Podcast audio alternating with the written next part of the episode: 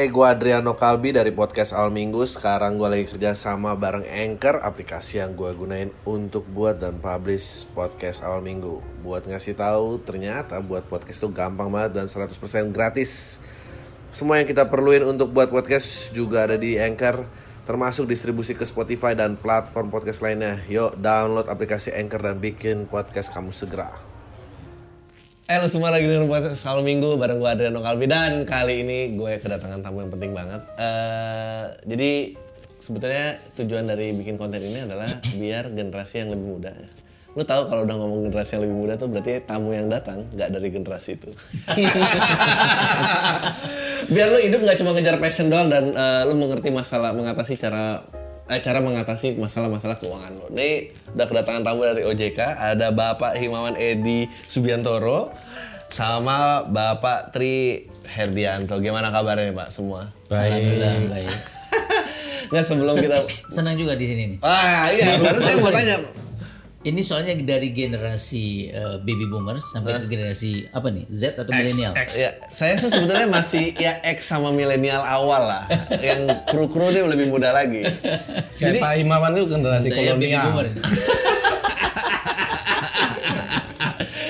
Pem- pem- pem- ini pendengar mungkin pem- itu ya generasi milenial ya. Iya, kebanyakan lebih muda, lebih muda daripada saya. Saya juga termasuk tua, Pak. Di sini saya udah dikatain nama mereka, wah siapa nih om-om tidak lucu ini.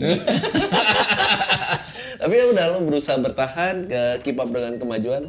Jadi sebelum sebelum kita masuk ke topik-topik, perasaannya gimana Pak? Mau rekaman podcast apa gitu? Grogi. Grogi, grogi Pak. Grogi. Terus terang ini baru pertama kali untuk syuting podcast. Kalau radio saya beberapa kali, tapi kalau eh, podcast baru kali ini. Oh. Tapi radio mesti nggak jauh beda, beda paling kamera karena sekarang ada kebutuhan iya itu. YouTube-nya. Ya itu karena di ya istilahnya mungkin belum sadar kamera mungkin. nggak ada yang perlu disadarin pak Bener, kita kita mencari eh, konten yang lebih ada bobotnya aja bukan kalau hiburan nanti ntar beda lagi hostnya lebih bingung lagi Iya, betul. bercanda-bercanda bapak sempat ngeliatin kontennya tretan muslim sama coki kan Oh, tadi, terus terang tadi malam. Oh. Baru tadi malam. Karena saya begitu Pak Tri kasih tahu saya untuk masuk di rekaman di podcast. Eh. Terus siapa punya dari Majelis Lucu Indonesia? Saya kok Majelis Lucu Indonesia? gitu. Ada saya cari. Semalam saya cari itu. Saya bukain satu-satu. Eh. Jadi saya ini apa yang salah kita atau salah OJK ini? Karena lab SJK ini kan masalah penyelesaian sengketa nih. iya betul Kok direkam melalui Di Majelis Majelis Lucu. Lucu? Jadi saya nggak nyambung. Ya itu sebetulnya juga berlaku di eh, bos saya. Dari bos saya juga menanyakan, ini maksudnya apa kok kita menyampaikan eh, LAPS mengasalah keuangan penyelesaian sengketa, kenapa di majelis lucu? Iya. Itu nanti malah jadi bahan lawaan nanti. Nah gitu. ya benar saya juga sebetulnya bertanya hal yang sama tapi saya seneng banget karena kalau di konten saya memang eh, nggak semuanya tentang lucu-lucu lah maksudnya kalau ada bermanfaat tentang hidup dan bisa membantu mereka hidup lebih baik ya kenapa enggak gitu Ya. Nah ini yang justru semalam saya jadi berpikir oh tadinya itu majelis lucu, kemudian saya lihat filosofinya kan. Filosofinya majelis lucu itu adalah eh, apa mengkritisi kelucuan, gitu kan, Men- menilai kelucuan. Iya. Lu lucu atau enggak gitu. Saya pikir ini sengketa nggak bak- nggak ada lucu-lucunya. Oh, Pak ada pasti Pak. Orang nggak punya duit pasti lucu Pak. Pasti lucu Pak. Apalagi kalau kedesek-desek.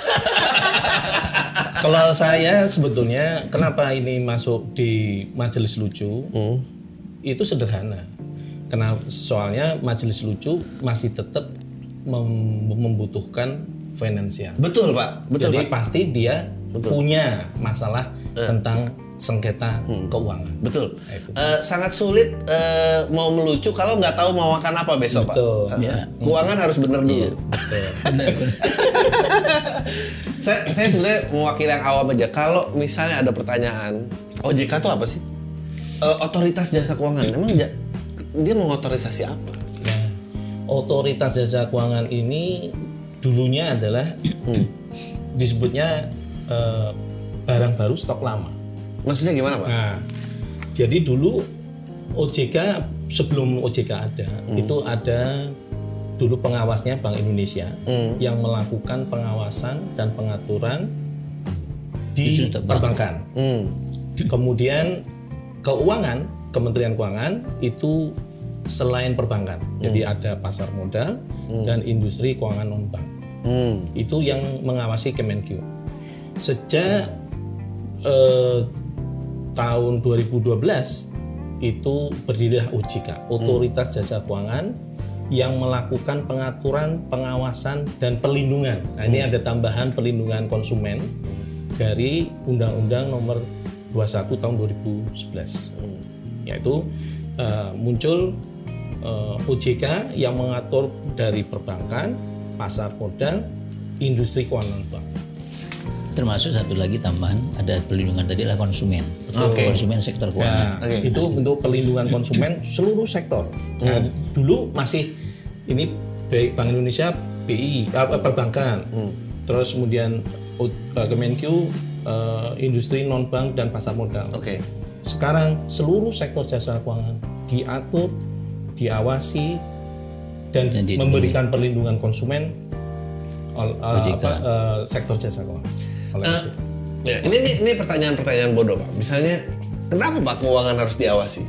Loh, sektor jasa keuangan ini memiliki kalau kita bilang sumber daya yang cukup besar. Hmm. Mungkin hampir seluruh apa hampir eh, s- eh, stabilitas keuangan di Indonesia itu lebih banyak berasal dari keuangan. Hmm.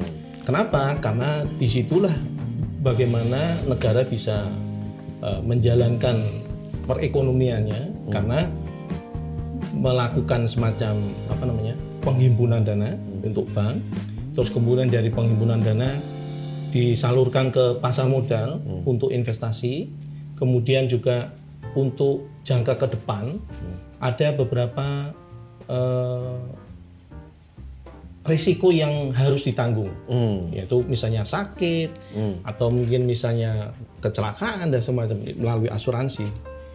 Dan juga sektor jasa keuangan ini meliputi seluruh kehidupan masyarakat. Betul. Nah, ini saya dulu dari Kemenq, betul. Hmm. Kemenq itu kan pegawai negeri sipil. Hmm. Pegawai negeri sipil itu eh, erat hubungannya dengan eh, SK sekolah. Oke. Jadi kalau mau apa-apa kebutuhan tertentu SK disekolahin. Ya. Nah masuk ke bank kita dapat kredit. Ya. Makanya tadi kan dibilang kalau lucu itu orang yang nggak punya duit. Iya. Ya kan nggak punya baru lucu gitu kan. Iya, Jadi benar, itu penting Pak. gitu Lucu. kan. Nah orang yang nggak punya duit itu harus dikasih duit. Ah, Dari betul. mana? Dari sektor keuangan. Gitu kan. Sektor keuangan dapat duit dari mana? Dari orang yang lebih duitnya. nah ini ada fungsi intermediari. Oh, Jadi yang punya duit banyak surplus naruh di eh, lembaga keuangan, lembaga keuangan menyalurkan lagi ke yang nggak punya duit.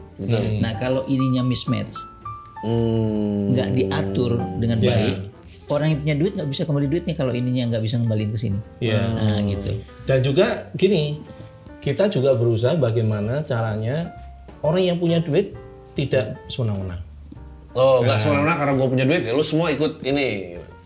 Terutama masalah bunga. Oh. Nah, itu masalah bunga kita atur juga. Bang harus seperti ini berapa. Kalau kita bilang disebutnya di situ ada eh, aturan yang misalnya eh, batas eh, LPS apa, bunga LPS Nah, itu. Jadi kalau misalnya lebih dari itu maka tidak ditanggung oleh LPS. Itu itu salah satu cara dan banyak sekali peraturan ketentuan yang mengatur supaya ini berjalan normal eh, sesuai dengan istilahnya bisnis proses di sektor jasa keuangan dan pasti yang tadi eh, apa membantu baik dari sisi pemilik modal maupun dari sisi penerima modal. It- sebetulnya kan ironis banget ya uang itu adalah sebuah hal yang impactnya besar banget ke kita tapi orang paling nggak mau ngomongin gitu kan Ya. sayang gitu kan jangan ngomongin duitnya pusing kalau gini-gini Iya. gitu padahal ada lembaga yang uh, ngawasin nah sekarang uh, LAPS itu secara definisi apa? Nah, LAPS itu itu adalah singkatan. memang. lembaga alternatif penyelesaian sengketa sektor jasa keuangan. Oke. Jadi memang eh, LAPS ini dia memiliki fungsi sebagai penyelesai sengketa di sektor jasa keuangan. Tadi kalau misalnya OJK sebagai regulator Oke, oke. itu meliputi dari hulu hingga hilir. Hmm. Nah, ini LAPS adalah seperti eh, tempat pencuci piring. Karena dia adalah eh, proses terakhir. Jadi setelah eh, apa namanya? pemilik modal dan penerima modal menerima apa eh, ber- ber- bertransaksi, kemudian dari itu kemudian dia proses sampai terjadi sengketa. Hmm. Nah, Gampangannya gini. Tadi yang fungsi intermediari, lembaga keuangan kan ada di tengah nih. Ya. OJK ada di atas, dia mengawasi dan mengatur bagaimana dia harus melakukan bisnisnya secara benar, gitu kan. Orang yang punya duit banyak itu tidak sepeda, tidak boleh minta bunga yang tinggi, betul. gitu kan. Diatur ini. Maksimumnya adalah eh, sama dengan LPS. Kemudian orang yang punya kredit, orang yang butuh duit kan diberikan kredit dia. Ini juga bank nggak boleh semena-mena nih, nggak boleh memberikan bunga yang tinggi ke sini. Makanya sering dengar kan kemarin-kemarin ini suku bunga kredit kok nggak turun-turun, kan gitu. Sementara suku bunga dana ini udah turun, udah rendah. Sekarang deposito berapa? Dua setengah, tiga persen. Udah jauh lebih tu- eh, rendah dibandingkan dengan zaman dulu. Pada waktu tahun 2000 eh, zamannya krisis kita sampai 16 persen, 60 persen suku bunga deposito. Sekarang nggak ada yang 5 persen nggak ada. Sedikit sekali bank yang memberikan 5 persen. Itu pun bank-bank yang kecil. Tapi bank-bank besar dia hanya memberikan tiga setengah persen. Kenapa? Karena banyak orang percaya ke dia. Jadi ini lembaga kepercayaan. Ya. Nah, kemudian Karena kredibilitas ya, maksudnya kalau itu jadi kepercayaan, ya trust. Nah, kemudian kalau dia menyalurkan ke sini, dia jangan sampai me, apa namanya, me, dalam menjolimi nasabah-nasabah ini sehingga dia terapkan bunga besar. dia cari margin sebesar-besarnya. Sementara di sini dalam kondisi yang ekonomi lagi nggak bagus karena pandemi, ini kan harus dibantu suku bunga harus turun juga. Nah, ini jadi OJK lah yang memiliki peran eh, sentral di situ. sengketa-sengketanya apa aja, Pak? Nah, kalau kembali ke sengketa, ini ada produk, Hmm. ini membeli produk di sini, Ya. ini juga mengambil produk di sini. Nah, produk-produk inilah yang eh, kemungkinan ada masalah pemahaman terkait dengan masalah perjanjian yang keliru. Oh, oke. Terus kemudian ada penjelasan dari eh, penjual, lembaga keuangan terhadap eh, produk asuransi yang hanya men- apa namanya memaparkan mengenai keuntungan, tapi tidak menjelaskan mengenai kerugiannya. Yang tadi Pak Tri bilang ada risiko. Risikonya yang harus didisclose kepada nasabah ini. Nah, ketika nasabah tidak memahami benar, ini kemudian terjadi sengketa. Nah, tapi kita lihat di OJK kan sudah ada aturannya mengeluarkan POJK peraturan otoritas jasa keuangan terkait dengan produk semuanya itu. Oke. Nah inilah yang yang kalau misalnya terjadi sengketa, baru para pihak harus menyelesaikan sendiri secara internal. Kalau tidak selesai, mereka tidak mufakat, baru lari ke lembaga alternatif penyelesaian sengketa sektor jasa keuangan. Oh, Gitu. skalanya apa, Pak? Maksudnya, masa nasional apa istilahnya duit receh utang bisa dibantu? Semua, semua. semua. Semua seluruh sengketa sektor jasa keuangan LAPS punya hak untuk eh, menyelesaikan. Namun memang eh, harus karena ini adalah lembaga alternatif. Jadi selain ini kan ada penyelesaian sengketa ada di pengadilan. Betul. Nah, kalau eh, itu makanya ini karena perdata ini adalah kesepakatan. Kesepakatan para Jadi pihak. kesepakatan para pihak untuk membawa sengketanya itu untuk diselesaikan oleh LAPS. Oh. Sebetulnya berguna banget ya. Itu pasti orang-orang nggak ada yang mau gitu. Ya jadi kan gini, eh, selama ini eh, ada ada dua jenis penyelesaian sengketa. Satu melalui litigasi, litigasi adalah pengadilan. Satu lagi non litigasi. ini sudah udah lama non litigasi ini. Sesuai dengan culture kita sebenarnya non litigasi mediasi, Betul. gitu. Itu itu jauh lebih lunak. Musyawarah sebelum pengadilan lah Nah, istilahnya. musyawarah untuk mufakat kan kita gitu kan. Nah inilah ketika ter- tidak terjadi musyawarah untuk mufakat ini baru OJK mengatur harus ada eh, lembaga keuangan ini membentuk satu LAPS, satu lembaga alternatif kita. Seandainya mereka tidak bisa ke pengadilan, bisa ke sini. Nah, Oh. yang kedua bagi sengketa yang sampai dengan 500 juta untuk yang eh, non asuransi kerugian itu pro bono gratis. Oh, oke. Kalau sengketa asuransi kerugian sampai 750 juta. Jadi mereka hanya ngadu ke OJK eh, melalui sistem kemudian diselesaikan secara internal. Kalau mereka tidak selesai, masuk ke kita sepanjang mereka sepakat. Nah, kita di sini akan menyediakan mediator. Hmm. Mediatornya mereka nggak perlu bayar. Labs yang akan bayar. Labs dari mana operasional? Dari lembaga keuangan, iuran dari lembaga keuangan. Hmm. Jadi mereka bisa bisa menggunakan fasilitas itu sebenarnya. Eh, LPS ini eh, berdiri dari kapan pak? Eh, sebetulnya sudah lama ya, tapi memang dulu masih terpecah-pecah. Jadi berdasarkan industrinya. Kayak contohnya yang agak lama mungkin eh, asuransi, Oke. BMAI. Pasar modal dulu. Oh pasar modal. Pasar modal 2002. Ya berarti 2002 ya. Ah, pasar modal, pasar modal BAPMI. Iya. Ya, itu Badan Arbitrase Badan Pasar Arbitrase Modal Pasar Modal Indonesia Indonesia. Terus kemudian BMAI 2006. itu 2006 itu juga eh, apa mengurusi Badan Arbitrase Dan mediasi dan asuransi. Mediasi Asuransi Indonesia Hmm. itu kemudian diikuti dengan LAPSPI untuk perbankan, untuk perbankan kemudian BMPVVI BMPPVI terus kemudian untuk, Untuk pembiayaan dan modal ventura pegadaian, pegadaian terus kemudian BNDP. untuk BAMPI BNDP juga. eh, eh, penjaminan perusahaan penjaminan kemudian BMDP untuk dana pensiun nah keenam LAPS itu sejak tahun 2020 itu mulai gabung. Oh. tepatnya 30 Oktober 2020 itu sesuai dengan keputusan eh, Kumham yang menyebutkan bahwa LAPS SJK resmi sebagai perkumpulan yang me- melakukan penyelesaian sengketa di sektor jasa keuangan. semua sektor Ya. semua sektor jasa keuangan. Eh, s- saya pengen pengandaian kasus aja. Jadi misalnya saya bermain saham, Hmm. lalu mengalami kerugian Hmm. parah. Terus saya udah, saya nggak ikutan mau main lagi. Hmm. Lalu eh, LPS ini masuknya di mana? Nah, Gimana, Pak? Nah, gini, kerugian itu, Aha. kerugian itu ada dua. Satu kerugian yang memang eh, terjadi karena eh, instruksi dari nasabah. Oke. Per- Itu kan kita nggak bisa atur harga harga saham di pasar kan. Itu kan tergantung fluktuasi di supply demand segala macam itu. Nah, kalau itu dilaksanakan atas perintah nasabah, ya nggak bisa, bisa. klaim. Tapi kalau yang di eh, perusahaan di perbankan misalnya banyak sengketa yang dari kredit misalnya pemahaman penafsiran terhadap pasal-pasal itu mereka juga eh, sering sering tidak sama. Yang kedua misalnya ada nasabah KPR Ya. dia bayar terus ternyata developernya nggak selesai mandek nih. Developernya pergi dicari-cari udah nggak ada. Nah ini nasabah loh saya mau minta rumah saya mana nih? Sertifikat belum dipecah segala macam. Nah ini termasuk salah satu eh, yang menjadi sengketa di sektor keuangan nah ini kalau jumlahnya sampai 500 juta sengketanya itu mereka tidak perlu bayar apa-apa.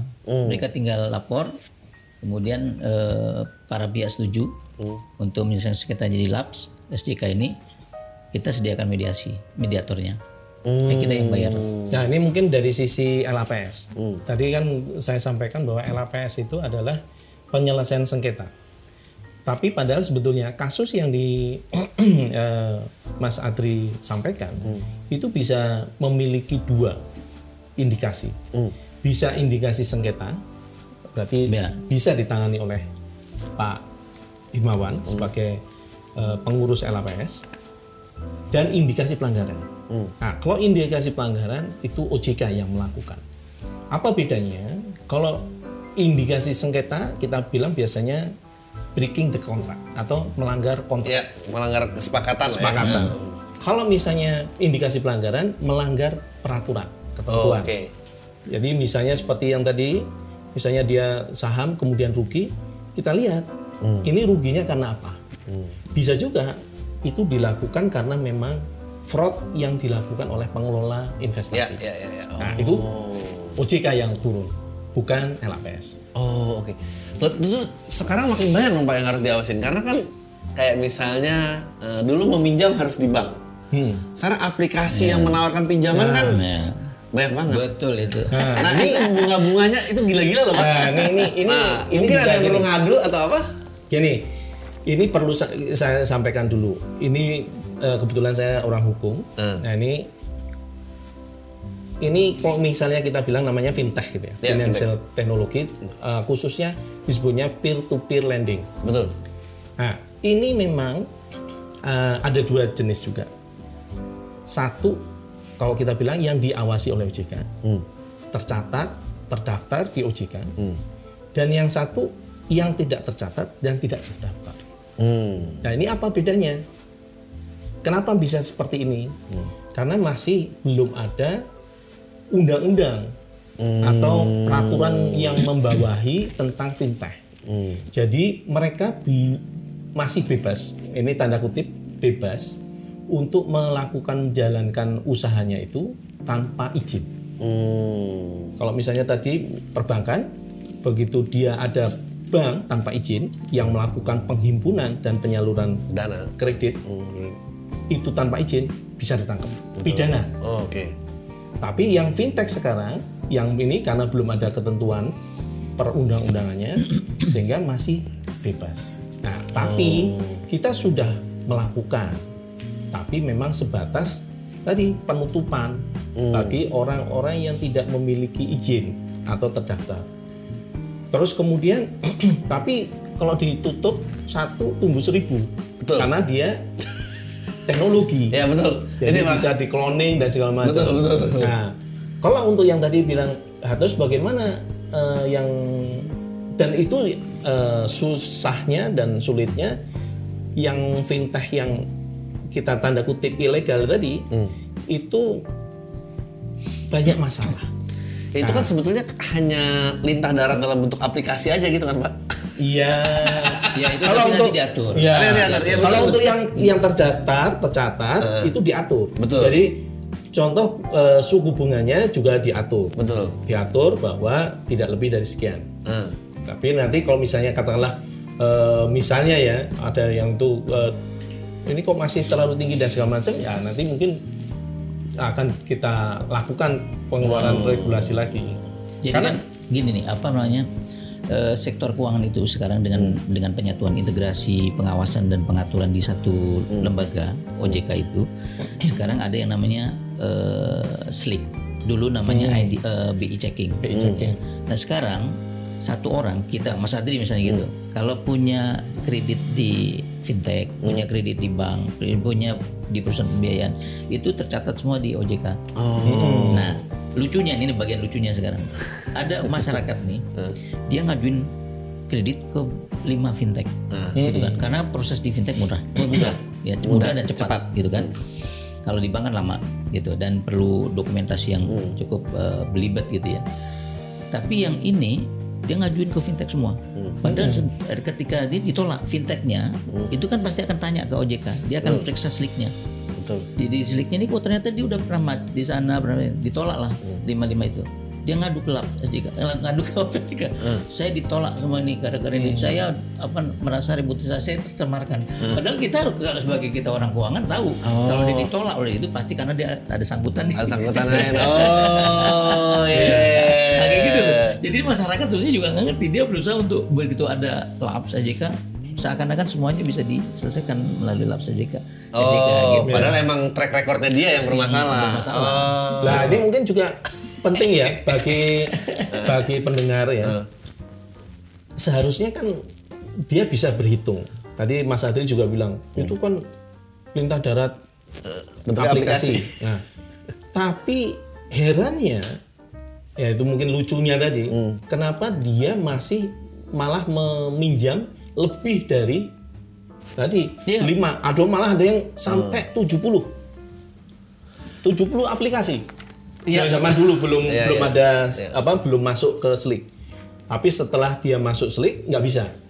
Karena dulu kan masih eh, istilahnya eh, para pihak jadi antara Belum fintech dengan terintegrasi, eh, belum belum terintegrasi. Oh. Tapi begitu terintegrasi udah nggak bisa lagi. Ya kalau dalam komedi itu Pak ya analoginya ngedeketin orang yang calon mertuanya recet nanyain bibit-bibit bobot lebih ribet daripada yang nggak banyak tanya.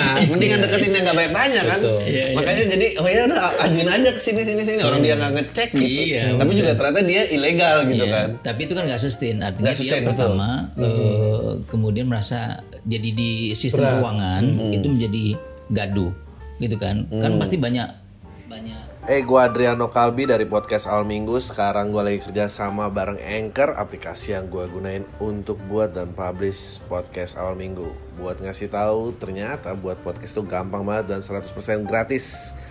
Semua yang kita perluin untuk buat podcast juga ada di Anchor, termasuk distribusi ke Spotify dan platform podcast lainnya. Yuk, download aplikasi Anchor dan bikin podcast kamu segera. banyak banyak kredit macet, kredit macet. Dia juga nggak mau rugi kan? Iya. Pasti dia akan panggil debt collectornya untuk nyita ini, nyita itu, akhirnya rame gitu kan. Nah ini justru OJK hadir di situ untuk me- menstabilkan sistem ini sistem keuangan kita itu. Makanya jangan bu- bu- apa gampang di awal belum tentu gampang di akhir ya. Betul. Jadi kalau misalnya seperti kita tuh harus bertanggung jawab atas apa yang kita lakukan. Ah. Jadi kalau misalnya dia harus berhi- bisa berhitung bahwa misalnya kalau dia minjam sekian, bunganya sekian dan segala macam, bisa nggak dia membayar itu? Itu satu. Tapi kalau dia memang sengaja, itu berarti ada itika tidak baik juga. Iya. Kalau bahasa Jawanya ngemplang. Oh. Jadi Banyak dia itu, banyak. pikirnya wah ini pasti nggak dicek, wah nggak pasti saya nanti karena dia kan nggak dia pikir nggak nggak bisa eh, dari fintech itu mentelusuri orang itu Oh. karena zaman ini udah canggih. Bisa lah pasti ya Nah benar. itu Oh, sekarang sekarang udah bisa. kan kejadian ini di Labs itu masuk eh, ada satu orang, satu keluarga itu punya 12 kartu kredit, Eh, udah. gitu kan? Hampir satu miliar gitu outstandingnya. Outstandingnya satu miliar satu Oke, iya. 12 kartu kredit gila, Iya. gila, gila. Terus, Terus kemudian maju, masuk ke Labs ngajuin, saya pingin minta diberikan keringanan. hmm. Kita lihat, oke, eh, kita periksa dulu dokumennya. Ternyata di beberapa dokumen itu ada yang hal yang kita tahu. Kalau kalau orang keuangan pasti tahu ini agak agak aneh gitu ini. Nah, kita ketika kita klarifikasi, oh ini adalah eh, transaksi dia yang sebetulnya melanggar peraturan. Nah, ini ya kita tolak. Ini nggak bisa, bapak perbuatan melawan hukum ini, gitu kan. Jadi seakan-akan begini, setelah adanya laps, orang yang tadi punya itikat Tidak baik. itu bisa mengajukan terus minta keringanan. Kita Ya, enggak. Karena kita juga harus melindungi eh, lembaga keuangan juga, gitu Iya. kan. Ini supaya eh, masyarakat juga paham, bahasanya tidak semua yang mereka merasa dirugikan dengan itu adalah karena kesalahan dari lembaga keuangan. Enggak, kita berdiri di tengah-tengah, netral, Iya. imparsial, tidak memihak. Kalau itu memang pengaduan yang dilakukan itu betul-betul memang memenuhi kriteria sengketa, Hmm. kita akan fasilitasi. Mungkin satu miliar kebanyakan gesek tunai aja kali terus. Nah, Nah, itu, itu dia. itu dia dia bilang iya itu bahkan bawa lawyer loh. Gokil. lawyer begitu terus begitu ini ini apa ini? Ya itu. Iya saya gesek tunai. Nah baru Ah, gesek tunai itu emang nggak boleh ya. nggak boleh. Jadi jangan ada. Dulu sempat sempat marak kan tuh. Oh iya. Sempat ramai banyak banget gesek tunai. Wah, beradu tuh. Kalau sekarang kan ada tuh kalau di kios-kios kecil kan dia masih 3%. Terus Iya. dicari lagi tuh ntar ada yang ngasih 2%, ada yang 1%. Nah begitu sekarang aturan diketatin sekarang udah nggak ada. Udah nggak ada. Eh, dulu ya udah kredit card 100 juta digesek tunai 100 juta. Keluar ya. gokil, gokil. Habis itu dia Bingung bayarnya. Eh, syarat mendaftarkan sengketa di apa? Mohon. yang pertama sengketa itu adalah eh, POJK 61 tahun 2020 itu mengatur eh, definisi sengketa. Hmm. Jadi yang definisi sengketa adalah pertama terkait dengan produk dan layanan lembaga keuangan, sektor jasa keuangan. Yang kedua, eh, sengketa itu belum pernah dimajukan atau diputus atau diproses oleh eh, lembaga lain, termasuk pengadilan atau lembaga lain yang sejenis. Yang ketiga, Eh, sorry, sebelum maju lebih jauh. Eh, jadi maksudnya eh, belum pernah ada kasus serupa. ya Oh, oke. belum ada kasus yang sama diajukan kepada pengadilan misalnya. Nah kalau sudah diajukan pengadilan, demikian juga sebaliknya. Kalau sudah dimajukan ke kita eh, ke LAPS maka pengadilan juga nggak punya kewenangan. Nah kewenangan itu yang namanya kewenangan absolut secara hukum itu adalah berdasarkan kesepakatan para pihak dengan membuat perjanjian penyelesaian sengketanya melalui LAPS. Jadi ketika mereka datang, eh, nasabah datang, kita akan tanya ke lembaga keuangannya, ini ada nasabah anda mengajukan permohonan penyelesaian sengketa di LAPS. Apakah bersedia? Hmm. Oke, silakan. Nah, datang kita mintakan perjanjian mediasi atau perjanjian arbitrase sehingga kita punya kewenangan. Ketika ini dalam proses kita, dia tidak bisa dimajukan ke pengadilan. Oh, oke. Ataupun sebaliknya begitu. Karena eh, yang bersangkutan nggak istilahnya nggak ingin lari lah ya, pengen ini pengen cari solusi gitu. Eh, sebetulnya gini, di dalam uh, ada asas-asas hukum itu yang namanya nebis in idem. Jadi tidak ada satu kasus yang sama itu diputus oleh eh, se- dua kali. Oh. Ada sekali. Karena itu untuk menjaga kepastian hukum. Oh. Jadi kalau nanti satu dari putus pengadilan dia kalah, maju ke lap, itu lagi wah Oh, nggak berantakan, bisa, ya kan? Jadi eh, prinsip hukum mengenai Kayak kepastian. kayak eh, bapak ibu beda izin ke anak gitu kan. Iya, bapaknya nggak ngizinin, ibunya nggak. Enggak, ya. Nah, sebaliknya gitu kan. Iya, betul, Pak. Iya, Akhirnya kan nggak berwibawa itu orang tua. Iya. Orang tua nggak bawa, betul betul. nah ini salah satu yang diatur oleh Pak Tri ini. Eh, itu sebetulnya aturan umum bahwa kalau sudah misalnya katakanlah ke litigasi pengadilan maka litigasilah Yang kalau- berwenang, yang oke. berwenang kalau misalnya kata ke sudah ditentukan terutama apalagi sudah ditentukan di dalam perjanjian sudah sebutkan eh, LHPS maka harus LHPS gitu. Iya. nah itulah yang kita eh, ada semacam eh, pemisahan.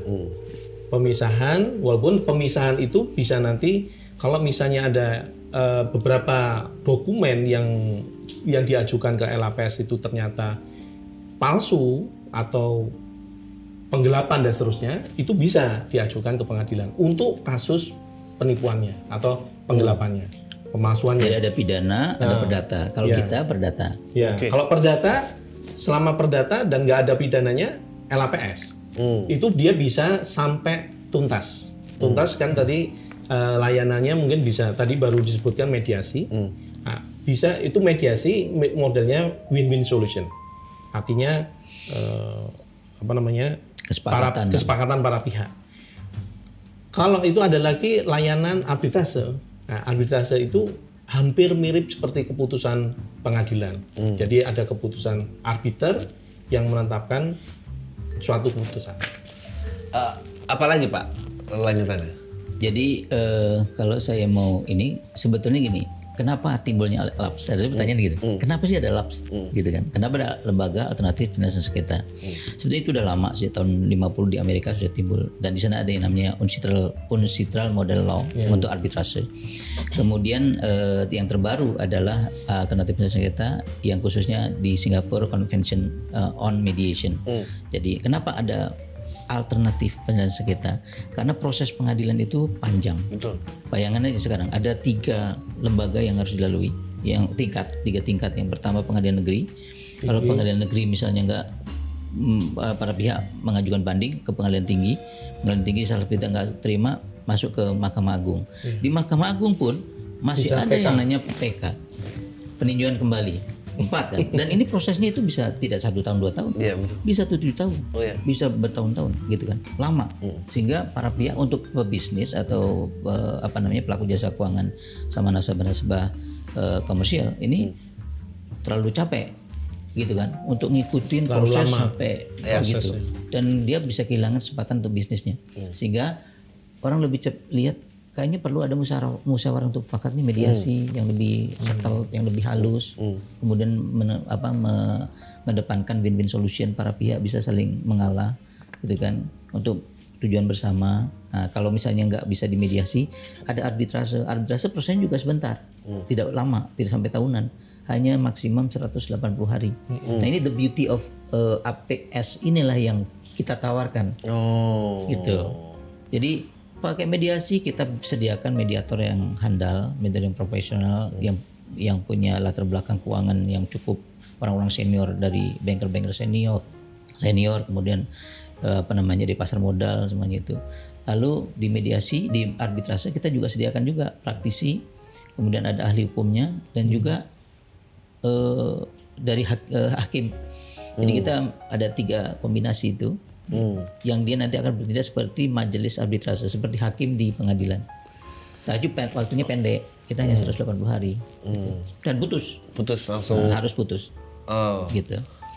Dan ini kalau di LAPS rahasia. Ya, Oh, ada Tapi agak berbeda dengan di pengadilan. Pengadilan itu terbuka untuk umum. umum ya. Jadi kalau bisa dicek, misalnya di Google atau itu atau di ininya apa pengadilan itu bisa Ya. kasus apa saja yang diproses. Nah itu itu beda. Terus kemudian di pengadilan harus pakai lawyer. Iya, iya, iya. Kalau ini, boleh malah harusnya enggak mediasi dia nggak pakai lawyer nggak apa-apa. Harus harus partai maju sendiri. Hmm, maju sendiri.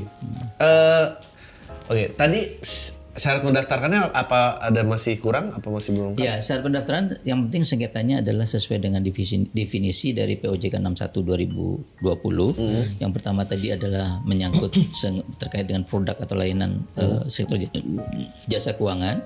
Yang kedua belum pernah diproses di tempat lain. Yang ketiga sengketanya itu ada di bawah kekuasaan penuh para para pihak. Hmm. Jadi yang saya saya sebutkan misalnya eh, sengketa mengenai kredit perumahan.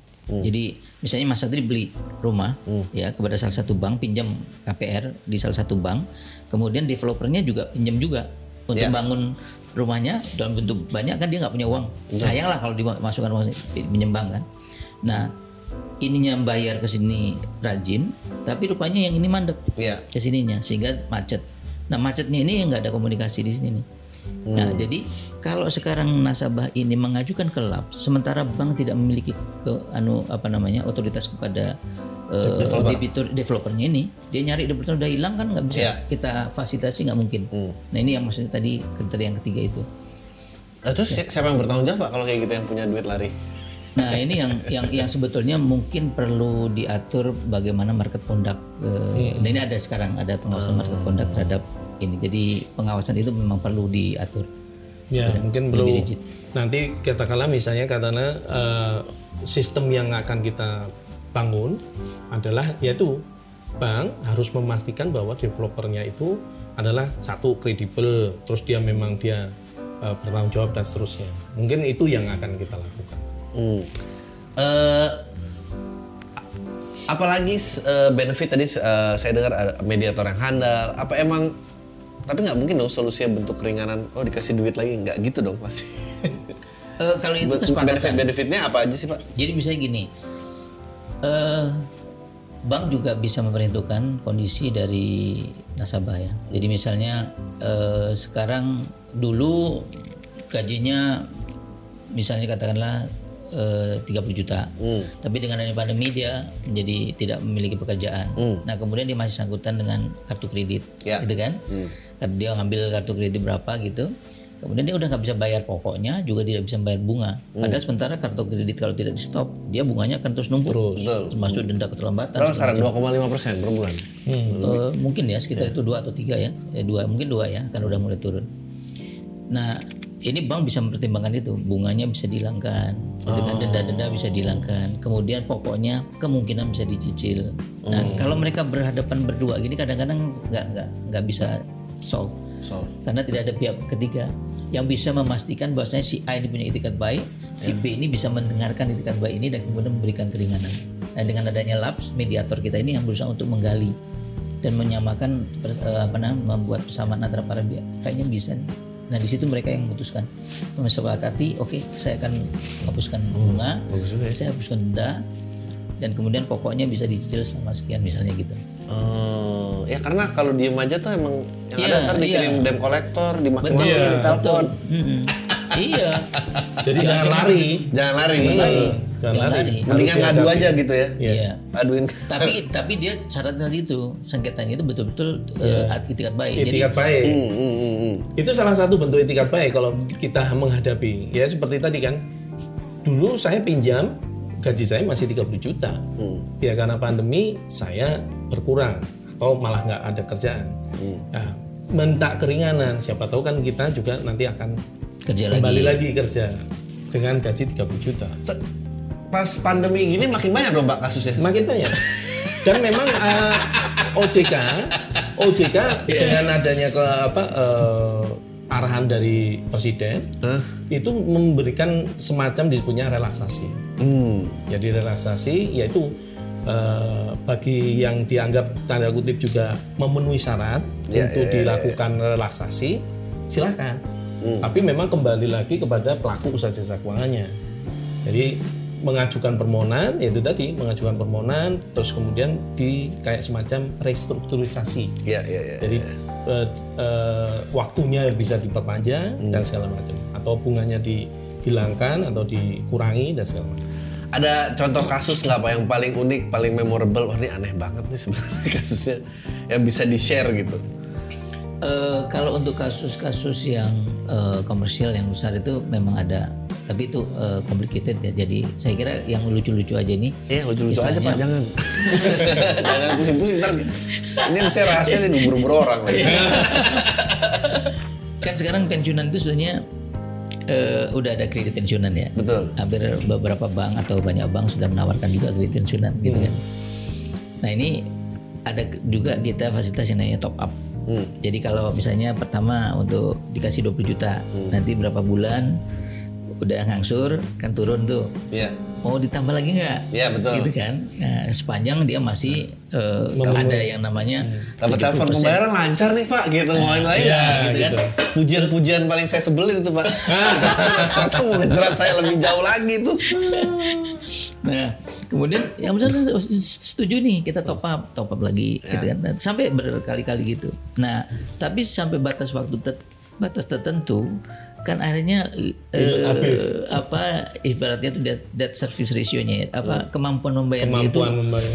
tinggal 10% Betul. gitu kan. Nah, terus kemudian istrinya kan kok aku dikasih duit cuma 350 ribu Nah ya. pensiunku pensiun kamu kan tujuh tiga setengah juta kok dari aku ini kamu kawin lagi ya Waduh.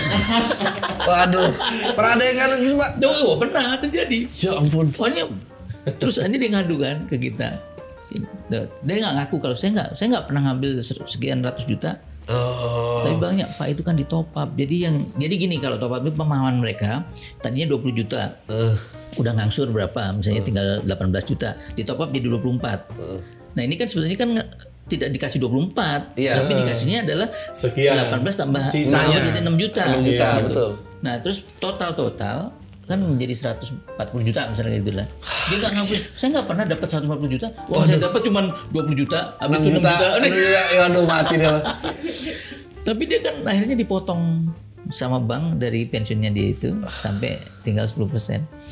Nah terus ribut lah di, ru- di rumahnya ribut. Nah, dia ngadu gitu. Padahal itu udah udah tua itu. Iya. Tangannya udah gemeter dulu nih. Ya ampun, kasihan banget.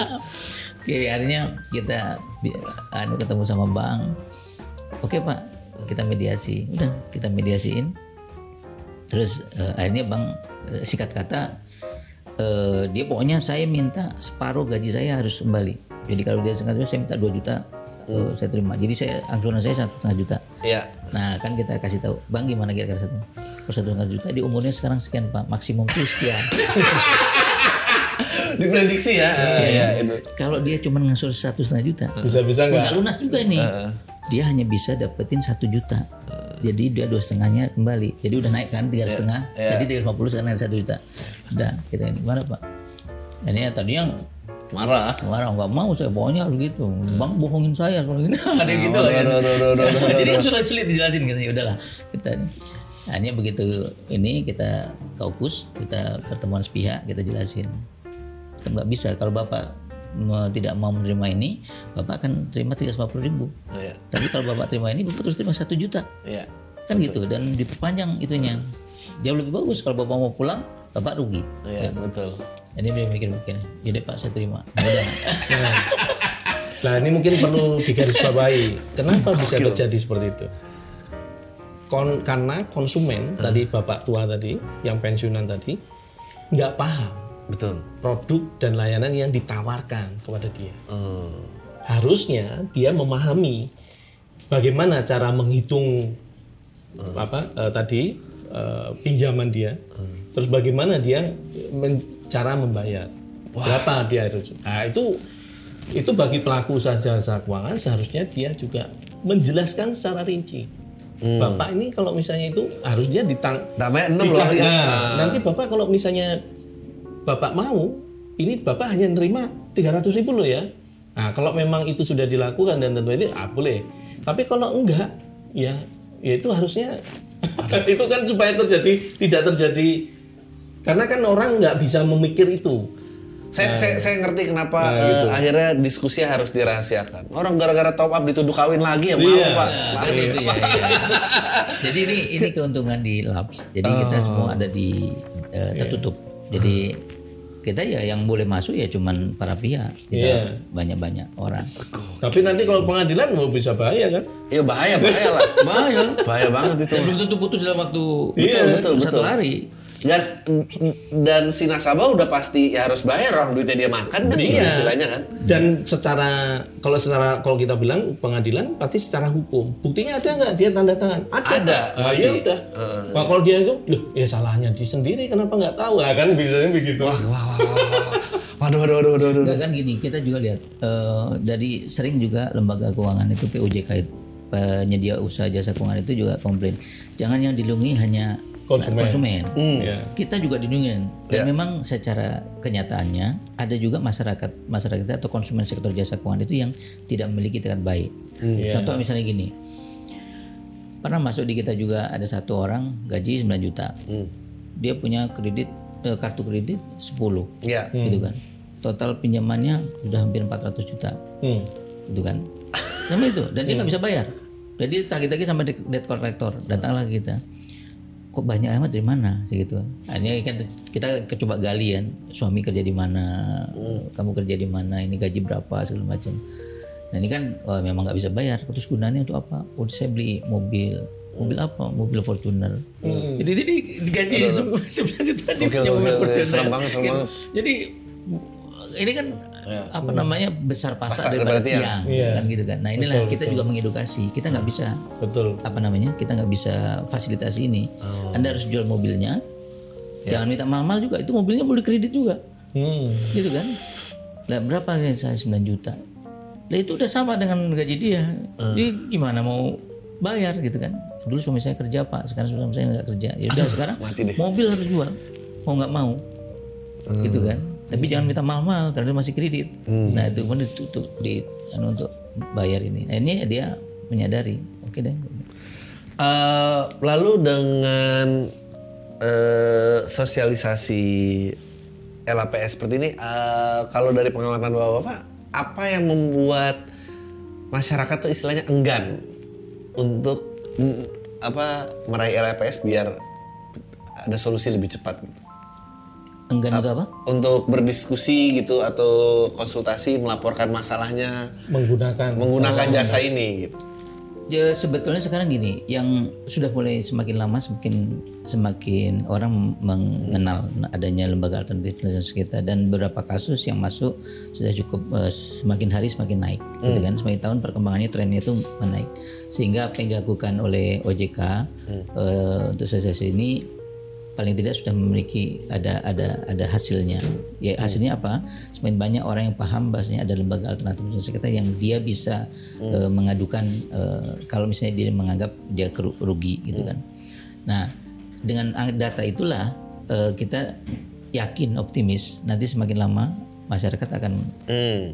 ke labs gitu kan terutama masyarakat yang berpenghasilan atau sengketanya di bawah 500 juta itu akan sangat banyak sekali nah inilah yang sebetulnya yang harus kita jagain. Kita bagaimana juga harus manage. Karena eh, operasional labs SJK ini kan didukung oleh lembaga keuangan. Sementara lembaga keuangan kan dalam kondisi sekarang harus efisien.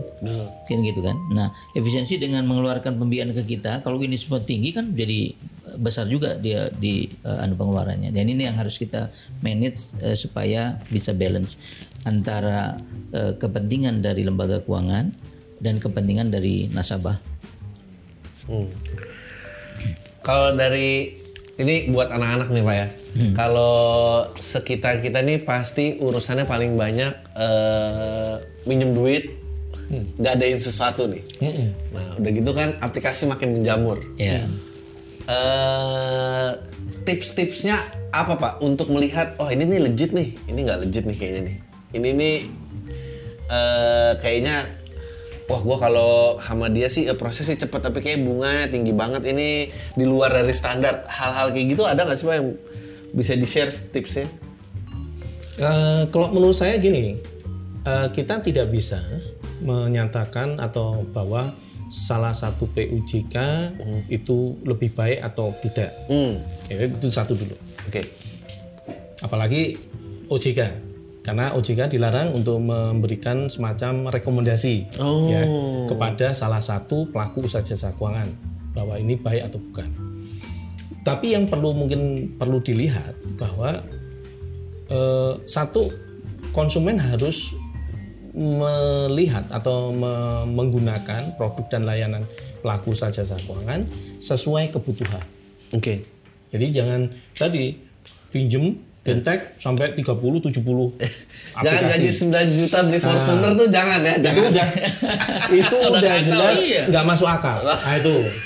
Terus kedua, lihat Eh, ya itu tadi mungkin tadi yang bahwa pelaku usaha jasa keuangan yang memiliki itikat baik atau produk dan layanannya bagus. hmm. itu kan bisa kita lihat bisa kita misalnya katalah bunganya mungkin eh, bersaing terus kemudian apa namanya layanannya bagus dan segala macam.